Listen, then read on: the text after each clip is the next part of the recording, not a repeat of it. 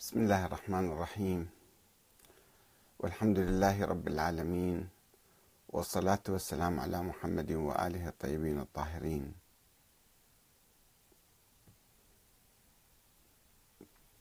ثم السلام عليكم أيها الأخوة الكرام ورحمة الله وبركاته. بعد قليل نبدأ بث برنامج أنت تسأل وأحمد الكاتب يجيب.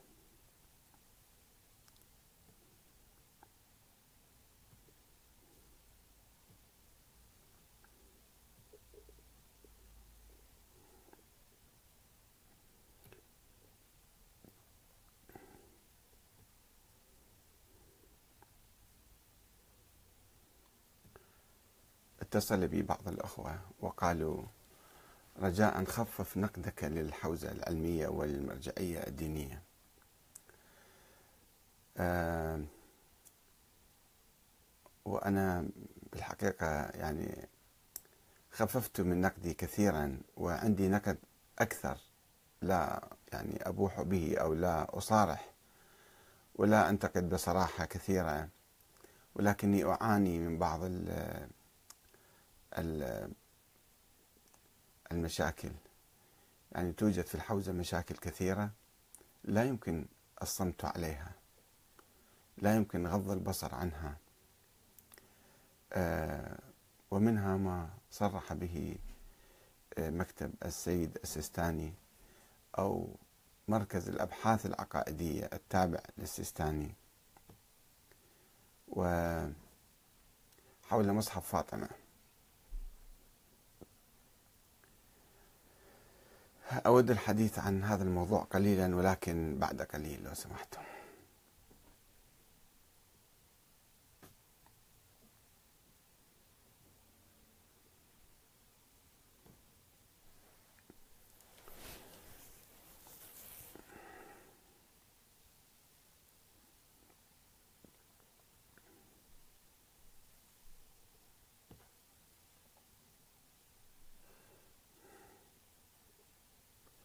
بعد قليل نبدأ الحديث عن برنامج أنت تسأل وأحمد الكاتب يجيب.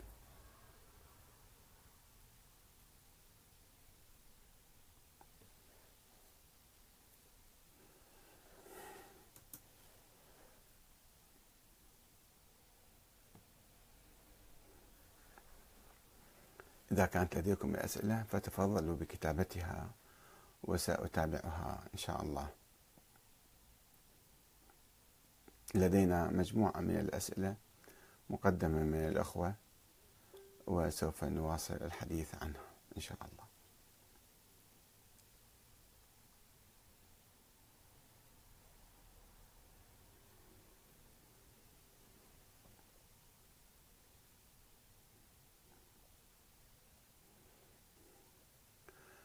أحاول أن أربط آه، بعض الصفحات في صفحتنا هذه.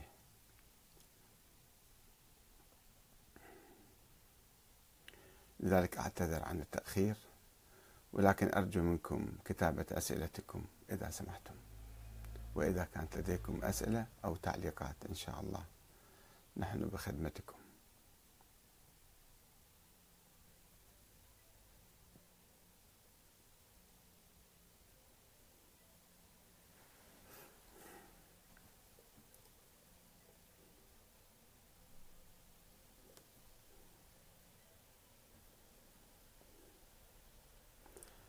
أنت تسأل وأحمد الكاتب يجيب.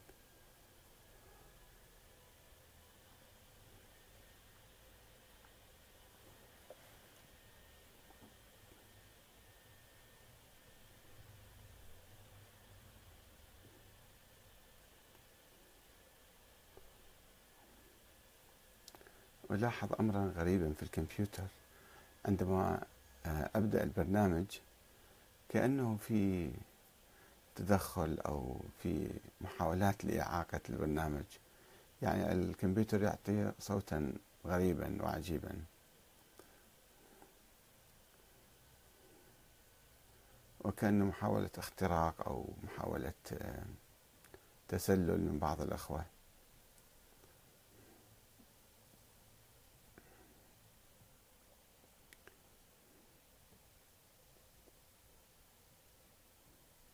وفي مرة سابقة أعلمني الفيسبوك بشخص معين من كربلاء حاول التسلل مرتين وأعطاني رقمه واسمه وحصلت كل شيء يعني من عنده.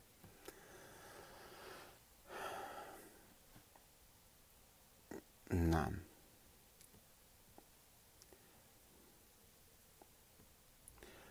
آه، أصدر مكتب أو بالحقيقة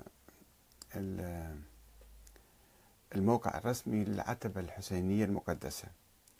نشر آه، جوابا لمركز الأبحاث العقائدية التي أو الذي آه، قال عنه وعرفه بأنه يشرف عليه مكتب المرجع الديني الأعلى السيد علي الحسين السيستاني.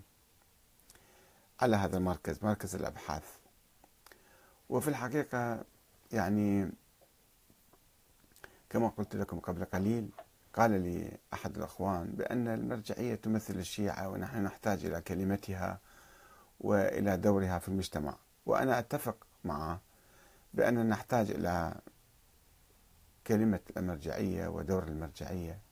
ولكن في نفس الوقت لا يجوز أن نعتبر هذه المرجعية فوق النقد وفوق المحاسبة وفوق الرد أو الحوار حتى.